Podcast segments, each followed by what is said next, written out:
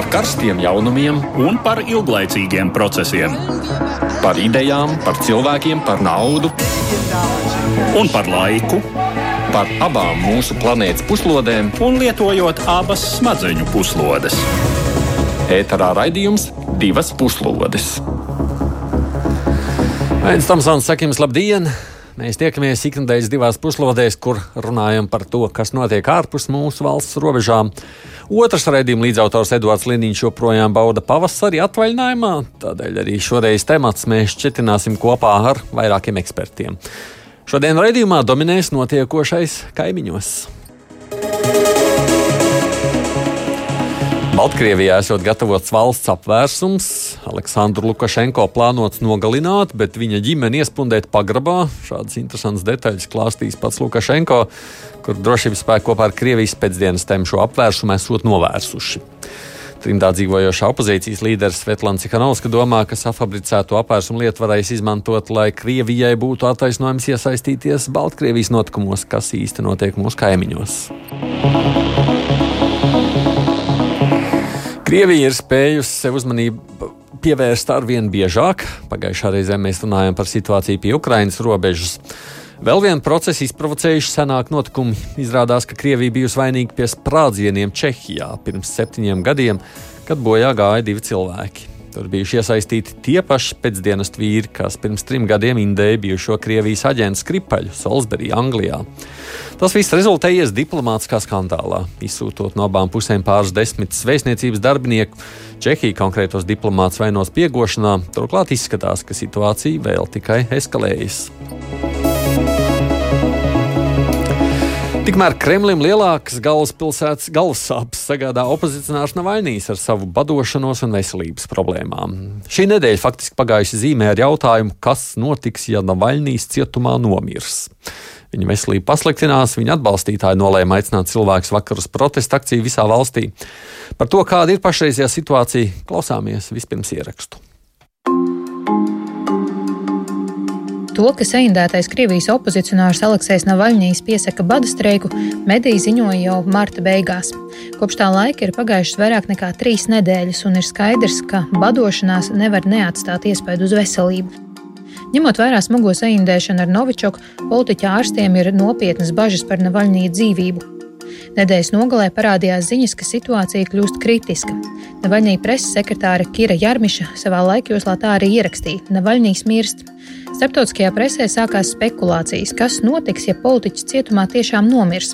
Kā zināms, Rietumvalsts uzskata, ka lieta pret Navaļņiju ir safabricēta. To apstiprinājusi arī Eiropas cilvēktiesību tiesa un Navaļņiju uzskata par politieslodzīto. ASV prezidents Džo Baidens brīdināja, ka, ja ieslodzītais cietumā tiešām nomirs, Krievijai būs jāsaskars ar ļoti nopietnām sankcijām. Jādomā, ka Kremlī to labi saprot, tādēļ kaut arī ne pašā augstākajā politiskajā līmenī, tomēr no Krievijas ir nācis signāls, ka viņi Navaļņiem nomirt neļaušot. Pēc ilgākas vilcināšanās Navaļņīs ir pārvests uz cietumu slimnīcu, un cik noprotams, viņš tiek uzturēts pie sistēmas, kas viņam asinīs ievada glukozes šķidrumu. Tikmēr Navaļņīs sabiedrotie nolēma mēģināt vēlreiz izvest tautu ielās. Nesavācot pusmiljonu solījumu protestēt, kas tika izziņots pirms vairāk nekā mēneša, Navaļņīs štābs aicināja sarīkot protestu akciju trešdienas vakarā. Šajā dienā savu uzrunu tautai par ikgadējo stāvokli valstī sacīja Krievijas prezidents Vladimirs Putins.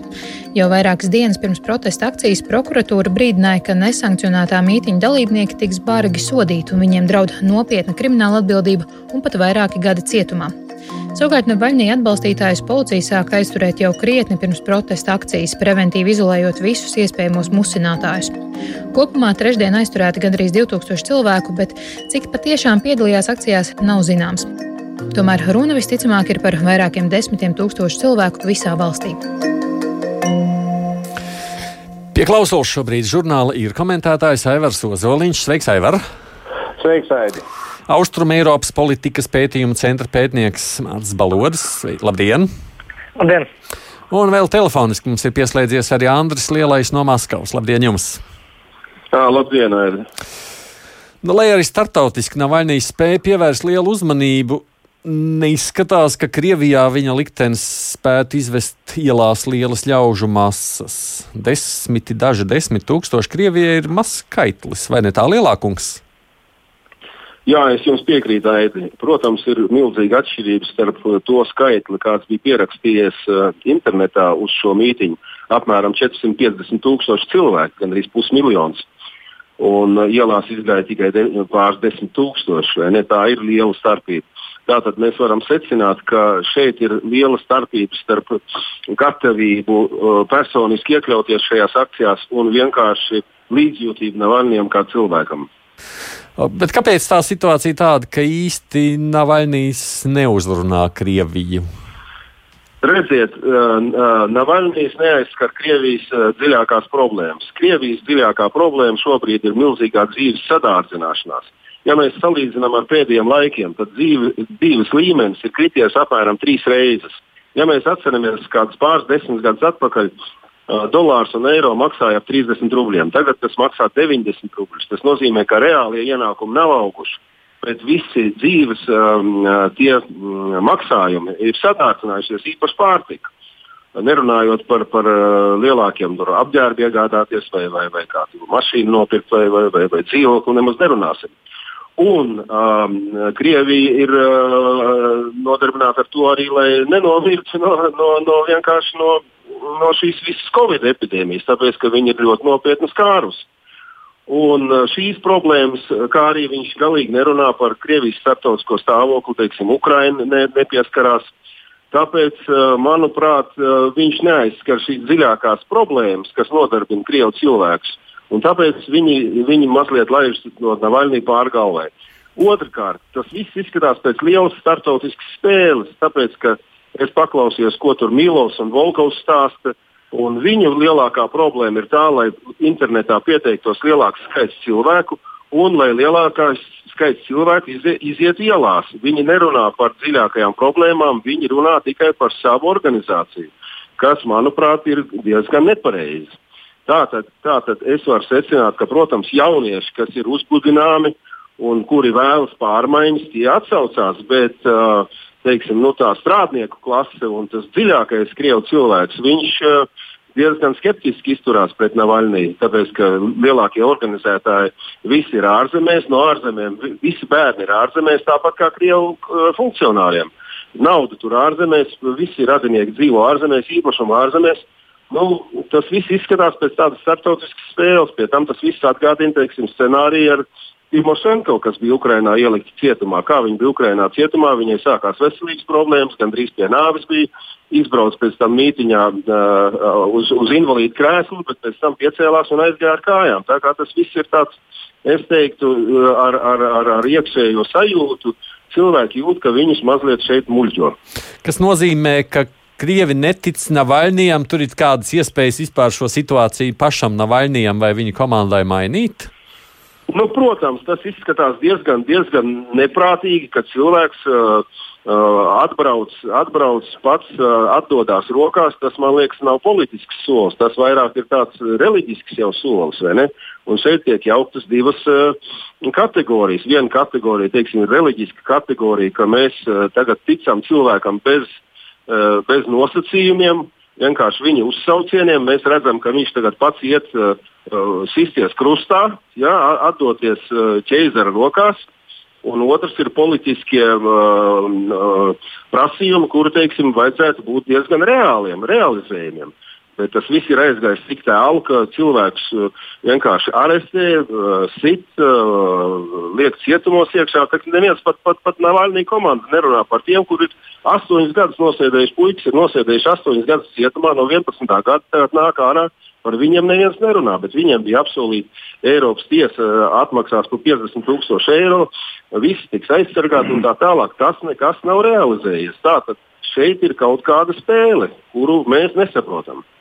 Vārdu sakot, pabeidzot vēl sarunu ar jums, ja kaut kas arī notiktu ar Navaļnī, tad Krievi nemaz tik lielu uztraukumu tur neizrādītu, vai ne? Nu, tas tad nedod Dievs, protams, bet uh, ar viņu nekas nenotiks. Mēs redzam, ka uh, tomēr tā vara ir diezgan uh, kontrolēta, diezgan nu, saprātīga. Viņi tomēr viņi ir ielikusi cietumā. Tagad viņš, uh, viņa pie viņa ir pielaisti ārsti, nu, ne tie, teiksim, kuri bija viņa ārsti no, no rietumiem, bet vietējie ārsti. Viņš saņem uh, glukozi, kas nozīmē, ka viņš to bada streiku faktiski viņam ir pārtraukuši. Nu, protams, ka bada streika, es pats esmu badojies, es zinu, ka badošanās laikā visas slimības akūtās sāsinās. Tas tā ir, jā. Nu, tā, tāds ir liktenis, nu, bet, bet es gribu jums atgādināt, ka arī par Sakarovu, kurš badojās un, un Gorkijā sēdēja uh, trimdā izsūtījumā, arī neviens Krievijas uh, pilsonis īpaši neuztraucās. Tāda ir Krievija daba, viņi ir vienaldzīgi. Mm. Viņi ir līdz laikam vienaldzīgi, kamēr nav uh, sacelta teiksim, nu, viņu personiskā interese. Hmm. Paldies, Andri. Andris Lielais no Maskavas. Paldies par sarunu, ļaušanu ieskatīties, Jā, kā, tas, kā tas izskatās no, no pašas Krievijas. Jā, es, es, labprāt paklausīšos vēl jūsu nu, Paklausieties, tad mēs neslēdzam jūs jā, ārā. Jā, neslēdzat to ārā. Aivar, um, nu, ko tu saki dzirdot to, kā tas izklausās no Maskavas? Es domāju, ka akcenti mazliet jāpārliek. Mēs te runājam par to, ka iznā, iznācis demonstrācijās tikai kā 20 tūkstoši cilvēku. Es domāju, ka pirmkārt tas ir jāpareizina desmit, jo tie ir oficiāli uh, Krievijas dati. Bet, uh, un, un, un mēs runājam tā, it kā mēs tūlīt gaidītu kaut kādu revolūciju, Navaļnijas gāzīs Putinu un kļūs par prezidentu. Jautājums nav par to principā šajā, šajā gadījumā gadījumā. Navaļņīs ir milzīga problēma Putinam. Uh, neatkarīgi no tā, ka viņš neuzrunā uh, lielāko daļu Krievijas iedzīvotāju ar, ar savu pretkorupcijas cīņu, nu, kas ir, nu, protams, mazliet dīvaini. Nu, kurš tad nezina, ka Krievija vienmēr ir bijusi korumpēta un jo lielāks priekšnieks, jo vairāk zog. zog. Problēma ir kaut kāda cita. Navaļnijas ir vienīgā nekontrolētā reālā opozīcija uh, Putina absolūtajai varai. Un, uh, viņam bija, tāpēc viņam bija jāmirst. Un viņa pašlaik lielākais noziegums Putina ieskatā ir, ka pagājušajā gadā nenomira lidmašīnā. Ja mēs, kā mēs zinām, divi ārsti Omskā, kuri bija snieguši viņam pirmo palīdzību pēc ārkārtas piedzemēšanās, ir jau miruši. Pēc tam vēl pazemoja viņu personiski ar filmu par pili. Putins bija izlēmis, ka Navaļnijam jāmirst, un Navaļnijas to ļoti labi saprata. Un, uh, tieši tas bija viens no iemesliem, kāpēc viņš arī atgriezās Krievijā. Jo, nogalinā, jo viņš saprata arī, ka nogalināt viņu cietumā Krievijā nevarēs tik klusi kā ārzemēs pēc kāda laika, pēc gada vai diviem, kad, būtu, kad viņš būtu tur kļuvis par kārtējo Putina kritiķu trimdā, kuram nav nekādas re, reālas ietekmes uz procesiem Krievijā. Atgriezies Krievijā, viņš sāka diktēt Putinam noteikumus principā par to, ko darīt ar viņu. Putinam, lūk, protams, risks bija milzīgs, ka Putins nogalinās viņu neatkarīgi ne no kā un neraugoties ne uz ko, ne uz kādiem protestiem vai vispārējo. Bet tas tā nenotiek tomēr. Un es domāju, ka šodien, burtiski pirms pusstundas, labākā ziņa Navaļnijam bija uh, aizsardzības ministra Šoigu paziņojums, ka Krievija tomēr atvēl karaspēku no Ukrainas. Tātad uh, Krievija sāk piekāpties, sāk atkāpties. Uh, Ukrainā spriedzes mazināsies. Uh, lielāk, vēl lielāka pasaules uzmanība būs pievērsta, kas notiek ar Navaļņie cietumā. Un uh, nogalināt viņu būs vienkārši pakluso, būs praktiski neiespējami. Es domāju, es domāju uh, Navaļņīs pagaidām viņš uzvar. Tādā ziņā. Šajā. Labi. Mārci, klausoties šajā visā, ko dod tas, ka nu, varbūt tajā starptautiskajā vai tādā lielajā politiskajā cīņā tu vari uzvarēt, ja tu nevari savukārt paša tautu būtībā nu, pārliecināt, ka tu esi svarīgs vai vajadzīgs? nu, teiksim, Navaļnijas savas politiskās karjeras laikā ir parādījis tādu tiešām varbūt zināmā mērā atsaucoties uz to, ko iepriekš minēju, tādu re reliģiozitāti, bet tādā ziņā, ka viņš ir pilnībā gatavs, šietam gatavs upurēties savu personīgo ideju un savu mērķu vārdā.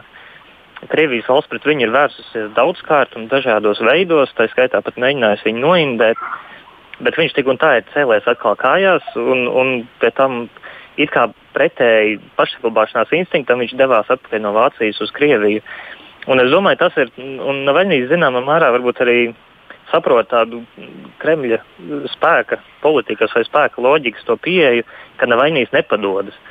Viņš nekādā gadījumā nepiekāpjas, un viņš caur to varbūt arī zināmā mērā saprot, viņš spēlē ar, ar sevis kļūšanu par simbolu. Viņš ir nepiekāpīgs, un šeit viņa personīgā veselība vai, vai pat dzīvība um, tādā ziņā varbūt nokļūst nedaudz otrajā plānā, jo viņš saprot, ka pirmkārt Kremlis respektē, savā ziņā respektē šādu, šādu spēku spēli un gatavību nepiekāpties atšķirībā teiksim, no citiem, no citiem um, Kremļa pretiniekiem. Un tādā veidā uh, Navainīs var arī iegūt papildus leģitimitāti gan valstī, jo Kremlis pret viņu ir nemitīgi vērsies. Un tas arī rietumos viņam iegūst uh, papildus, uh, papildus aizmuguri, politisku aizmuguri un atpazīstamību. Un pēkšņi šī Kremļa cīņa ar Navaļniju vairs nav tikai tāda cīņa viena, viens pret vienu. Pēkšņi Navaļnija jautājumā teiksim, ir iesaistīta arī ASV. Un Kremlim, ja kādā savā rīcībā pret Navaļniju ir vismaz, vismaz pakausī jātur tā, tā, tā ideja, ka, lai kas notiks ar Navaļniju, tam var būt politiskas sekas arī starptautiskā līmenī.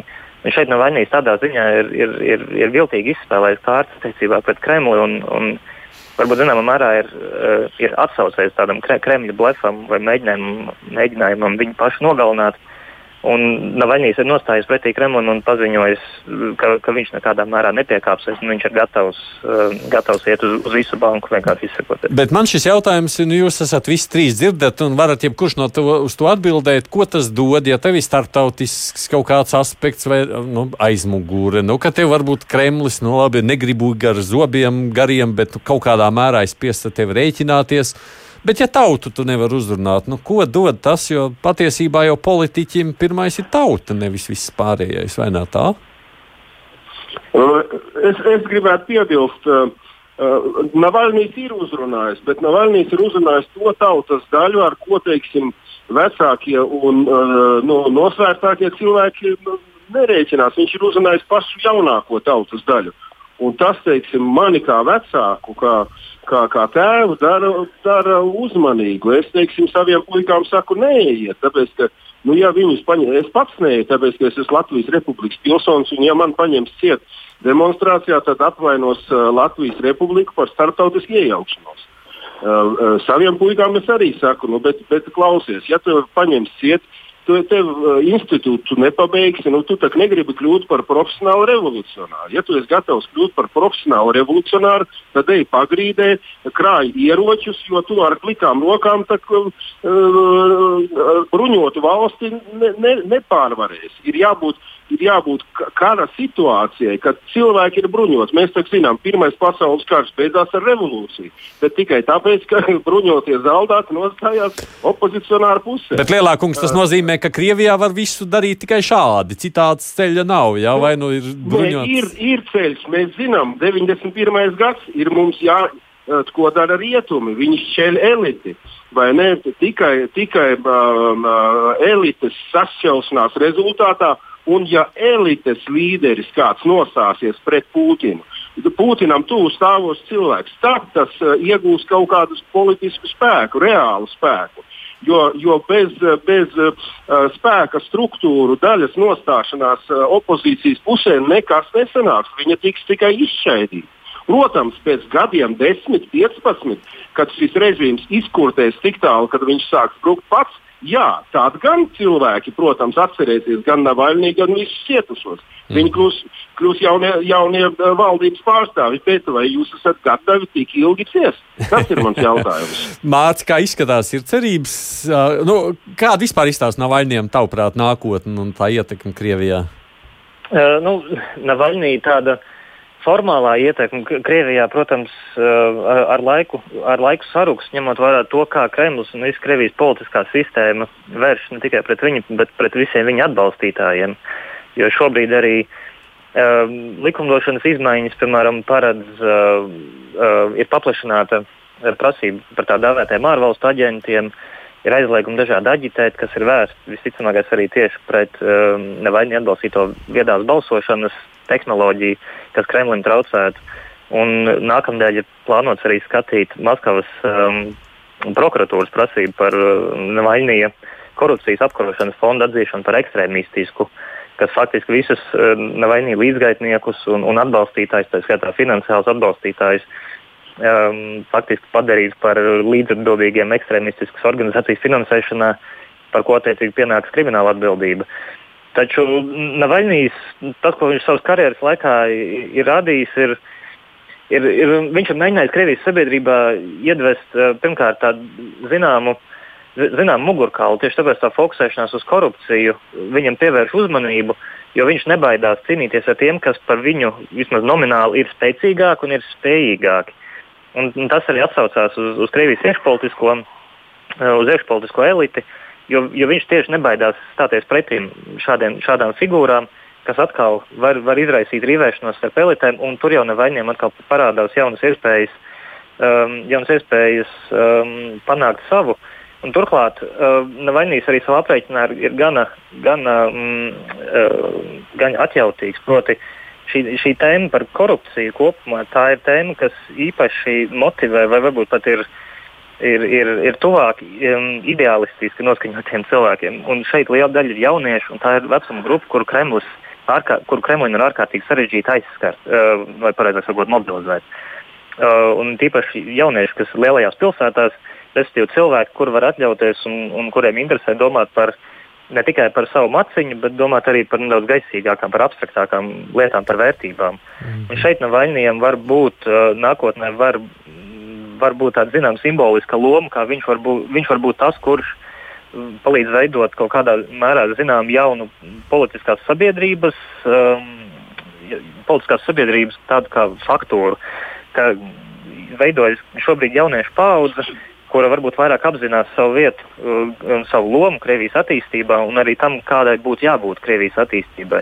Tādā veidā tas ilgtermiņā var pretdarboties tieši Kremļa centieniem uh, nospiest sabiedrību, teikt priekšā sabiedrībai, kas tai būtu jāsaka, jādara un jādomā. Mm -hmm. Šeit nav vainīgs, protams, par prezidentu Krievijas viņš nekļūs, bet viņš var palīdzēt radīt tādu jaunu, jaunu vilni, kas var, kas var ilgtermiņā tieši izdarīt spiedienu vispār uz Krievijas iekšpolitisko sistēmu. Mm -hmm. Droši vien jau ir tā, piedod, Aivar, mēs turpināsim nākošo tēmu par Krieviju. Es gribu teikt paldies Andrim Lielais no Maskavas jā. par sarunu jums. Viss, jo, viss labi. Jā, mums vēl ir jārunā arī vēl viens notikums, kas šajā nedēļā cieši bijis, ir saistīts ar Krievijas vārdu. Runa par notikumiem Čehijā un tiem sekojošie spriedzes. Tā kā par Krieviju turpinām, klausāmies vispirms ierakstu. 2014. gadā munīcijas noliktavā Čehijā notika sprādziens, kurā dzīvību zaudēja divi cilvēki. Protams, Čehijas presē tajā laikā par notikušo ziņoja, taču tobrīd nebija nejausmas, ka aiz sprādziena varētu stāvēt Krievija. Tomēr tieši tas ir konstatēts daudzus gadus ilgušajā izmeklēšanā. Turklāt, kā paziņojuši Čehijas varas iestādes, tās rīcībā ir pārliecinoši pierādījumi par Krievijas iesaisti. Tas pagājušās nedēļas nogalē beidzās ar pamatīgu diplomātisku skandālu. Čehija izraidīja no valsts 18 Krievijas diplomātus, kas, kā konstatējis Čehijas izlūkdienests, ir Krievijas izlūkdienestu slepeni aģenti. Tajā pašā dienā Čehijas policija pavēstīja, ka izsludinājusi meklēšanā divus Krievijas pilsoņus - Aleksandru Petrovu un Ruslanu Boširovu. Tie ir tie paši divi cilvēki, kuri tika apsūdzēti Krievijas dubultaģenta Sergeja Skripaļa un viņa meitas saindēšanā Solsberijā, Lielbritānijā. Protams, Krievija notikušo noliedz un dēvē Čehijas rīcību par naidīgu soli, kurā jaušamas Vašingtonas pēdas. Pēc Krievijas versijas Čehija ir vēlējusies izpatikt ASV un tāpēc sarīkojusi šādu politisku teātri. Reaģējot uz to, Svētdien Krievija paziņoja par 20 čehu diplomātu izraidīšanu. Notikušais ir krietni pabojājis Prāgas un Maskavas attiecības. Čehijas valdība pirmdien izslēgusi no konkursa par Dukovanu atomelektrostacijas paplašināšanu Krievijas valsts kodolenerģētikas kompāniju Rosatom. Pirmdien Čehijai tika pausts atbalsts Eiropas Savienības ārlietu ministru tikšanās laikā. Lielbritānijas ārlietu ministrs Dominiks Rābs Twitterī pavēstīja, ka Čehi ir atmaskojuši to, cik tālu Krievijas spēcdienas ir gatavi iet savos mēģinājumos īstenot bīstamas un postošas operācijas. Arī ASV atzinīgi novērtējusi Prāgas centienus saukt Krieviju pie atbildības par tās bīstamajām darbībām Čehijā. Divas puslodes! Šeit ir gan Aivars Ozoliņš no ir Austrumēropas politikas pētījuma centra pētnieks Mārcis Balods. Aivar, tev ir skaidrs, kāpēc Krievijai vispār vajag kaut ko spridzināt, pieņemsim, tādā Čehijā? Nu, kā Krievijai vajag spridzināt uh, jebkur, kur viņiem ļauj un kur viņiem ir iespējas. Tas ir cits jautājums. Es domāju, ka spridzināšana šajā gadījumā tas ir sens notikums, un tas varbūt nav tas, uh, tas nemaz neizbrīna. Pirmkārt, ka Krievi to darīja. Daudz svarīgākas ir politiskās atskaņas uh, um, šim notikumam. Jā. Nedēļas laikā Čehijā ir noticis ģeopolitisks, strateģisks pavērsiens. Uh, Iepriekšējais, pašreizējais prezidents, nu, kuram uh, Milošs Zemans kopš 2013. gada, kopš viņš ir amatā, ir mērķtiecīgi un pastāvīgi virzījis Čehiju Krievijas virzienā, austrumu virzienā. Tur pa, pa, pašlaik jau pieminēja, taisījās uh, ļaut uh, Rosatomam piedalīties tenderī, uh, grasījās iepirkt Sputņiku vakcīnas un piepeši tas viss ir pavērsis pilnīgi pretējā virzienā. Es domāju, ka šis pavērsiens vēl nav līdz galam pienācīgi novērtēts, ko tas nozīmēs Eiropas Savienībai, NATO un, un visai reģionu drošībai un, un, un turpmākai strateģiskai virzībai. Es domāju, tas ir tas galvenais um, atlikums. Pašlaik jāgaida, kā Čehi rīkosies. Šodien viņiem būtu jāsāk rīkoties. Vakar viņi e, izteica ultimātu Kremlim, ka izraidīs vēl diplomātus, ja viņu izraidītajiem 20 neļaus atgriezties.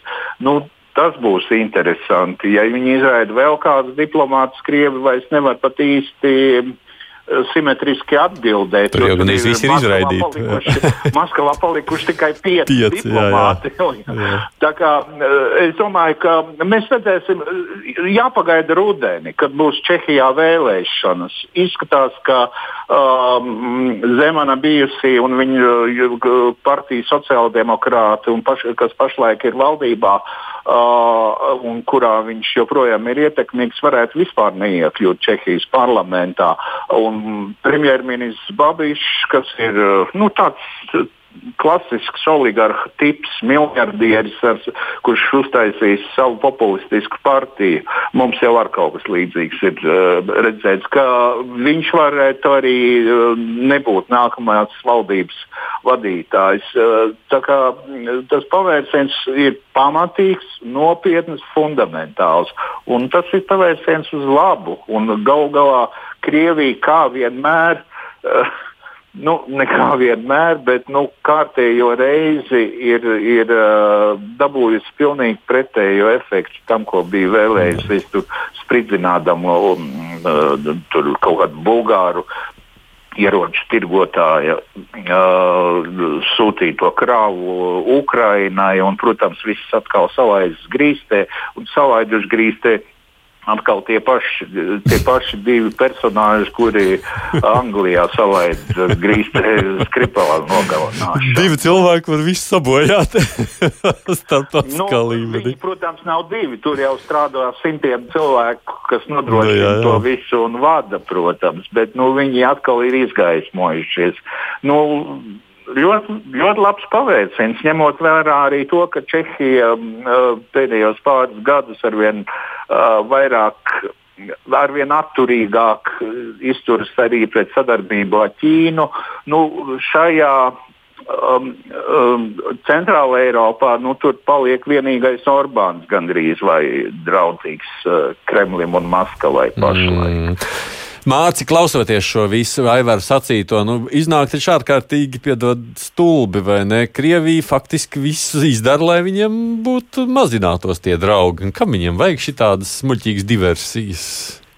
Nu, jā, šajā situācijā Krievija ir pamanījusies iešaut sev vienlaikus abās, abās kājās un panākusi tiešām pilnīgi pretēju efektu un, un gājusi pretstatā visām iestrādēm, kas ir bijušas jau, jau ar Čehiju. Uh, kā ar, nu, neteiksim, varbūt sabiedroto Krievijas, bet vismaz Krievijas interešu lobby Eiropā. Mm. Um, tas, bet, teiksim, šādi te Krievijas, vai pareizāk Krievijas drošības dienestu rīcība savā ziņā liecina par Krievijas, uh, Krievijai tādu piemītošu kara laika domāšanu, kad, uh, kad pirmām kārtām, kad pašas svarīgākās ir, uh, ir savas intereses, bet tās tiek sasniegtas nevis um, vai caur diplomātiju, vai sarunām, vai, vai, vai tādos teiksim, miermīlīgos veidos. Taču tās tiek panāktas par jebkādu cenu, un šeit nav nozīmes, uh, ka, kas īsti, kas īsti notiek un kā tieši tas tiek panākts, kamēr vien mērķis tiek sasniegts. Bet šajā gadījumā, pat savā ziņā traģikomiski uz to visu skatoties, Krievija tiešām panākusi tieši pretēju efektu. Un turklāt vēl viens aspekts, kas uh, atsevišķās vietnēs ir pavīdējis, ir tas, ka Prāga faktiski ir bijusi uh, Krievijas rezidentūras, jeb Krievijas spiegu, teiksim, kā centrāla Eiropā, vismaz viena no centrālajām Eiropā. Un tagad ar, ar izsūtītajiem vai no valsts izraidītajiem, pareizāk, diplomātiem Krievija arī varbūt pat ir uz kādu laiku vismaz samazinājusi savas iespējas vispār veikt arī savas. Mm teiksim, netika politiski korektās vai pieklājīgās, eh, pieklājīgās darbības Eiropā. Tā rezultātā Krievija šeit tiešām ir, ir pamanījusies. Pamanīsies iešaut abās kājās vienlaikus. So. Bet, ja runājam par to pieminēto tālāko konfliktu eskalāciju, tavuprāt, Mārci, varētu būt tā, ka arī Čehija turpina tālāk izraidīt uh, diplomātus no, no Prāgas, un ko tas, kas tālāk turpinās šādā veidā? Uh, nu, es domāju, šeit nebūtu nekādā mērā pārsteidzoši, ja Krievijas jautājums vispār Čehijas iekšpolitikā sāk kļūt ne tikai sensitīvs, bet pat toksisks. Un, um, un nav izslēdzams arī tas, ka Prāga var lemt par papildus diplomātu, diplomātu izsūtīšanu. Un it īpaši šeit arī um, svarīgs aspekts var būt arī citu Eiropas valstu, um, ja ne solidarizēšanās, vismaz atbalsta paušana Čehijai. Uh, ka, respektīvi, ka Čehija šeit nepaliek viens pret vienu ar Krieviju. Gan arī ir interesanti, ka Eiropas Savienības valstis ir pagaidām kopumā. Um, nav bijusi izteikta reakcija, bet es, bet es varu pieņemt, ka tas ir tāpēc, ka šobrīd vēl notiek kaut kāda iepazīšanās ar informāciju un iekšējas diskusijas ar dalībvalstīm, kā tieši rīkoties. Bet, uh, bet faktiski, ja Čehija lemtu izraidīt vēl diplomātus, tas, tas noteikti nebūtu pārsteidzoši.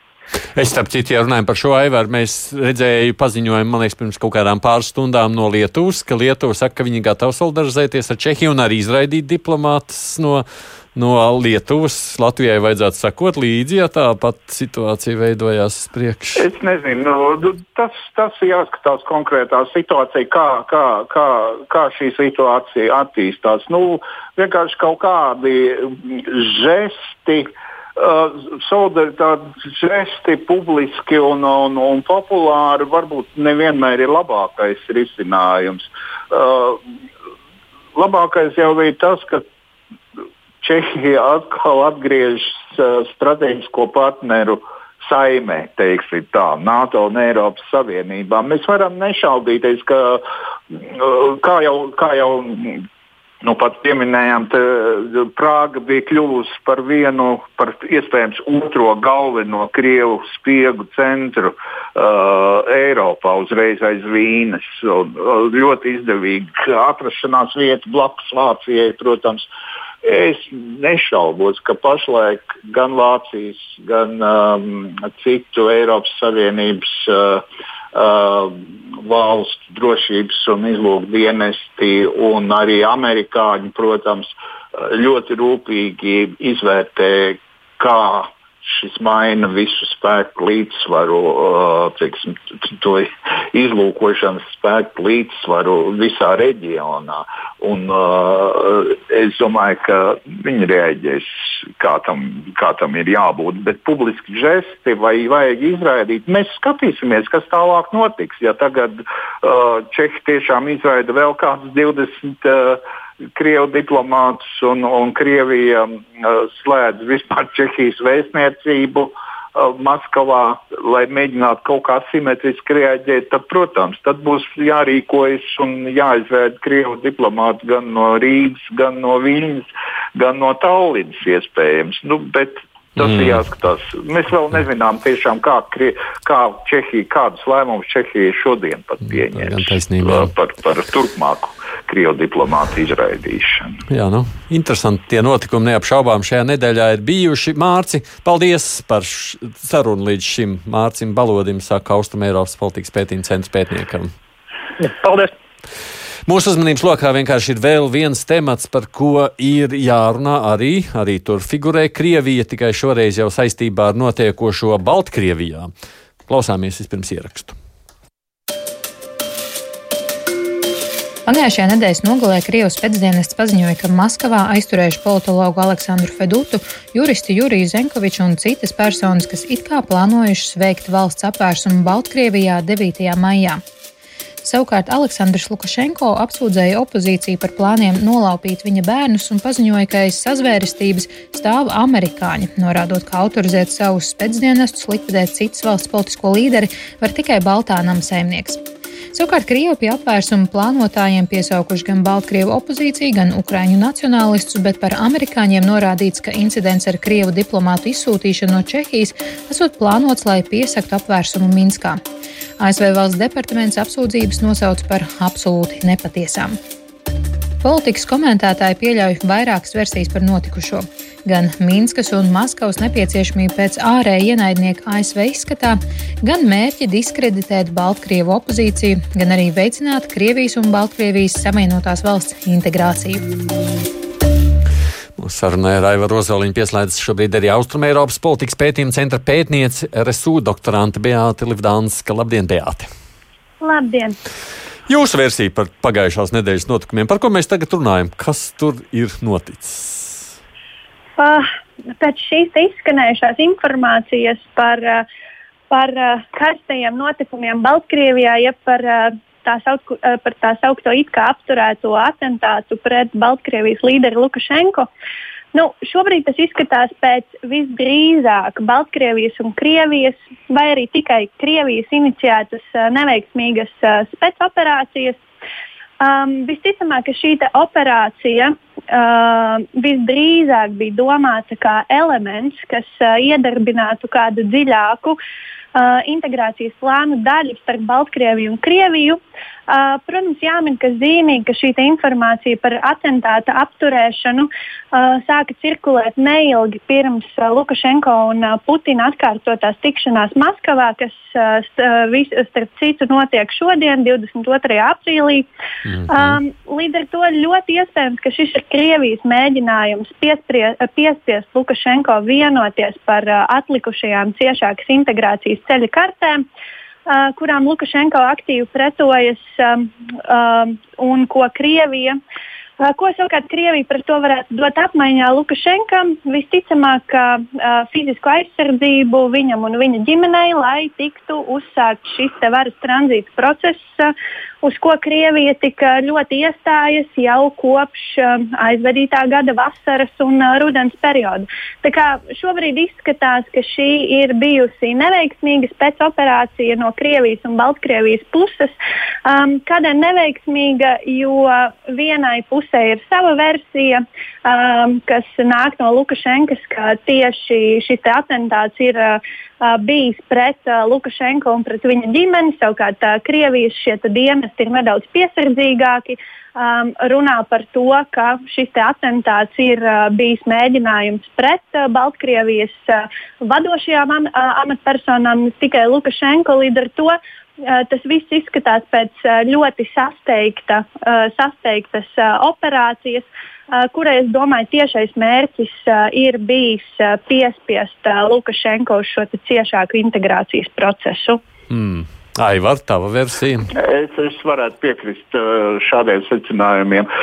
Par, par pašu atentātu nu, mans formulējums būtu tāds, ka atentāta nebija, taču Putins to sekmīgi novērsa.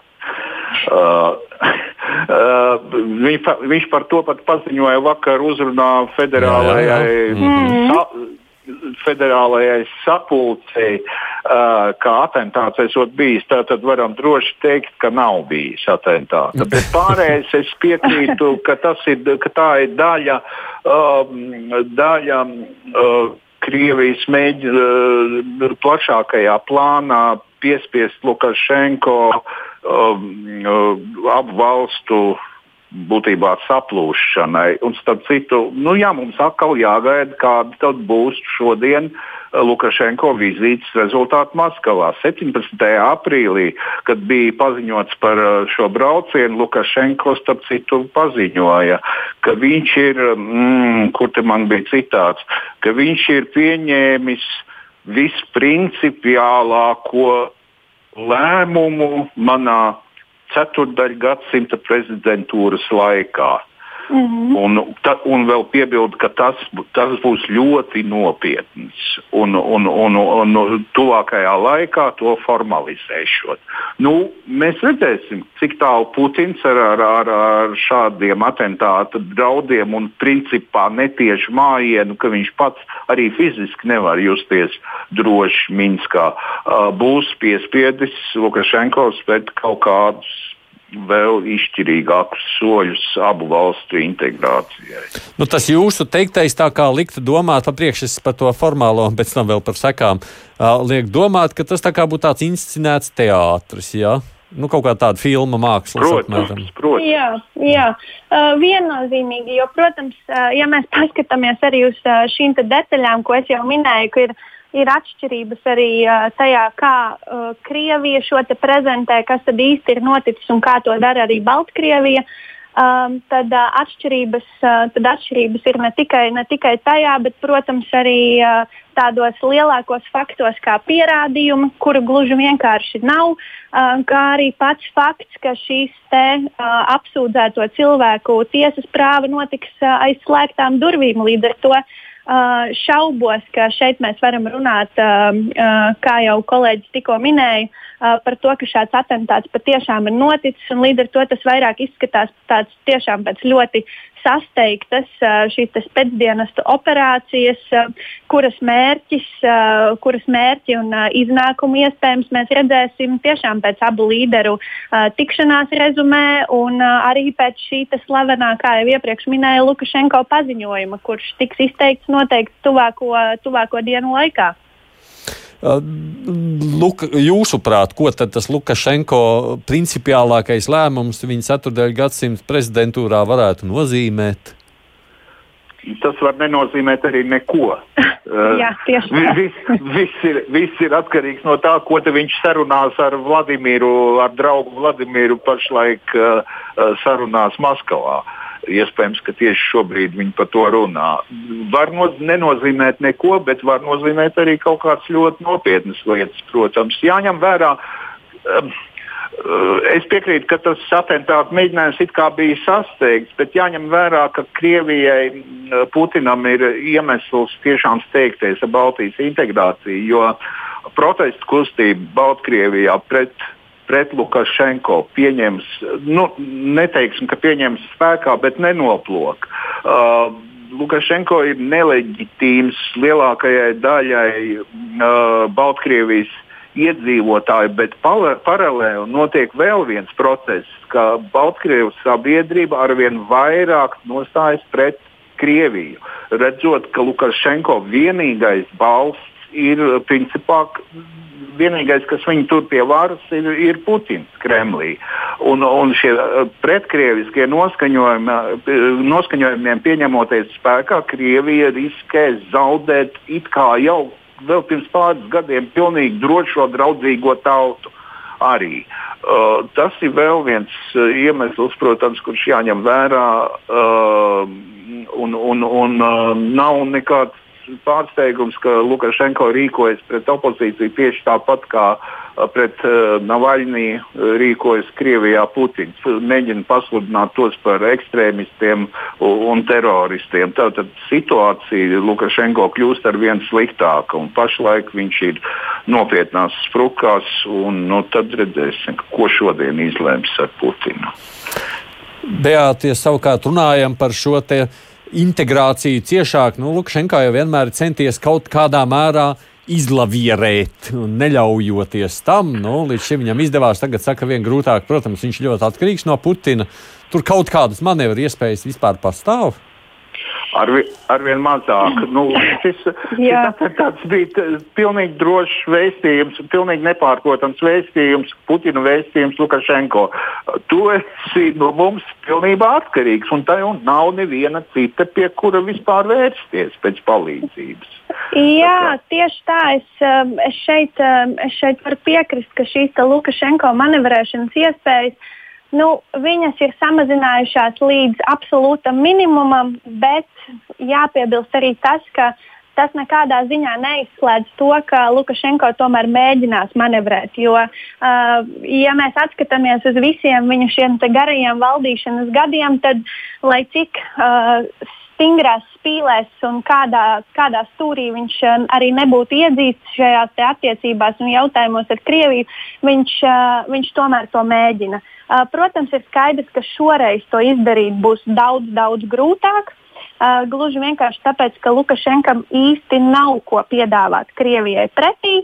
Uh, un tiešām, patiešām šobrīd uh, Krievija, arī kā tika parādīts ar šo te um, atentāta mēģinājumu vai atentāta apturēšanu, tad uh, Lukašenko patiesi ir atkarīgs no Krievijas un no šīs te, uh, Putina labvēlības. Tāpēc es domāju, ka zināmā mērā uh, šīs manevrēšanas iespējas viņas patiešām viņas sevi jau ir izsmēlušas. Bet, protams, uh, Uh, nenoliedzu, uh, ļoti iespējams, ka Lukašenko tāpat to mēģinās, un kas no tā sanāks, to mēs patiešām redzēsim uh, pēc šīs abu līderu tikšanās. Vēl, ja, ja runājam savukārt par šo notikušo apvērsumu, un ja tomēr Putinam izdodas kaut kādā mērā piespiest šodien Lukašenko pie sienas un likt ļauties lielākai, dziļākai integrācijai, ko Baltkrievijas ļaudis, Aivar un vispār tauta, nu tie, kas tur protestē, kāda tā reakcija varētu būt? Es nezinu, man ir grūti prognozēt pašlaik. Pirmkārt, mēs nezinām, ko nozīmē šāda integrācija. Vai tas, vai tas nozīmētu, ka Lukašenko aiziet, aizbrauc piemēram uz kaut kādu piemaskaus dāķu un, un vada uh, turpmāko dzīvi kā pensionārs, ko viņš, protams, ļoti, ļoti negrib. Tieši tāpēc stingri arī manevrē. Vai, vai Baltkrievijas opozīcijai tas būtu pieņemams tāds starposma risinājums. Nu, opozīcija vienmēr ir prasījusi, galvenā prasība bija vienmēr ir bijusi Lukašenko ir jāaiziet. Ja viņš aiziet šādā veidā, vai tas būtu pieņemams, es nezinu. Es tagad neesmu dzirdējis no opozīcijas uh, kaut kādiem pārstāvjiem šādu scenāriju, kaut izvērtējumu un ko viņi uh, tādā gadījumā mm. darītu. Es nezinu, man grūti pašlaik. Beat, kā jūs domājat, kāda varētu būt Baltkrievu ļaužu reakcija? Um, es domāju, ka patiesi ir, uh, to ir ļoti grūti prognozēt. Tas ir viens. Uh, bet otrs, uz, uh, tas, uz ko ir jāskatās, vai tas, ja teiksim, uh, Lukašenko tiešām uh, uh, nodod šo daļu suverenitātes Krievijai, vai tas nozīmē, ka viņš aiziet, vai gluži vienkārši ieņem citu amatu, kas viņam tāpat ļauj uh, turpināt pieņemt lēmumus un būt šim de facto valsts vadītājam. Uh, Uh, vai tas ir šis iznākums. Uh, līdz ar to ir, uh, ir ļoti grūti to prognozēt. Un otrs, tas, uz ko ir jāskatās, vai Krievija kādam scenārijam ir gatava Krievija. Jo diez vai ka Krievija šobrīd ir skatoties uz, uz pašas valsts iekšpolitisko situāciju, vai Krievija būtu gatava uzņemties šo risku. Uh, ka aizejot Lukašenko, piemēram, vietā nāk kāds cits prokrieviski noskaņots līderis, kurš kurš pārstāv šīs Krievijas intereses, bet nonāk ļoti, teiksim, tā, ļoti plašā konfrontācijā ar Baltkrievijas sabiedrību, vai tas ir tas, uz ko ir gatava Krievija. Un, līdz ar to skatoties no šāda punkta, es domāju, ka Krievija uz to noteikti nebūtu gatava, un tas absolūti nav Krievijas interesēs šobrīd. Mm -hmm. Austrum Eiropas politikas pētījuma centra pētniece, RSU doktorante Beāta Livdānska un žurnāla ir komentētājs Aivars Ozoliņš. Paldies jums abiem par veltīto laiku šodien raidījumā. Paldies! Paldies. Nu, mēs, protams, skatām un gaidām, ko beigsies Lukašenko un Putina tikšanās. To droši vien šovakar vairāk varēsim redzēt, sekojam līdzi jaunākajām ziņām. Bet mums ir vēl dažas citas ziņas īsumā arī par citiem tematiem. Tādēļ vēl raidījumu turpinām ar tām. Ukrainas prezidents Vladimirs Zelenskis otrdien uzaicināja Krievijas prezidentu Vladimiru Putinu uz tikšanos Donbasā un uzsvēra, ka tur atjaunojusies kara darbība apdraud miljoniem cilvēku dzīvību. Zelenskis savā video uzrunā valsts iedzīvotājiem paziņoja, ka Ukrainas, Krievijas, Vācijas un Francijas valsts un valdību vadītāju padomnieku sarunās Kijevā pirmdien izskanējis ierosinājums tikties pie frontes līnijas, lai maksimāli noskaidrotu situāciju. Es esmu gatavs iet vēl tālāk un ierosināt jums tikties jebkurā punktā Ukrainas Donbasā, kur notiek karš. sacīja Zelenskis, vēršoties pie Putina. Zelenskis atzīmē, ka Ukraina ir gatava cīnīties par mieru diplomātiskā ceļā, bet vienlaikus gatavojas aizstāvēties. Viņš arī apsūdzēja Krieviju, ka tā piedalās miera sarunās, vienlaikus koncentrējot karaspēku pie Ukrainas robežas. Krievijas prezidents reiz teica, ja cīņa ir neizbēgama, jādod trieciens pirmajam. Tomēr katram līderim ir jāsaprot, ka cīņa nedrīkst būt neizbēgama, ka tā ir saistīta ar īstu karu un miljoniem cilvēku dzīvību. Vismaz 12 Eiropas Savienības valsts ir paudušas pārliecību, ka tām izdosies līdz jūlija vidum vakcinēt 70% pieaugušo iedzīvotāju. Tā otrdien paziņoja iekšējā tirgus komisārs Thierry Bretons. Mēs esam pārliecināti, ka spēsim piegādāt pietiekami daudz devu bet no dalību valstīm atkarīga organizēšana, lai būtu tam gatavs. Īrijas parlamenta komitejai sacīja Bretons.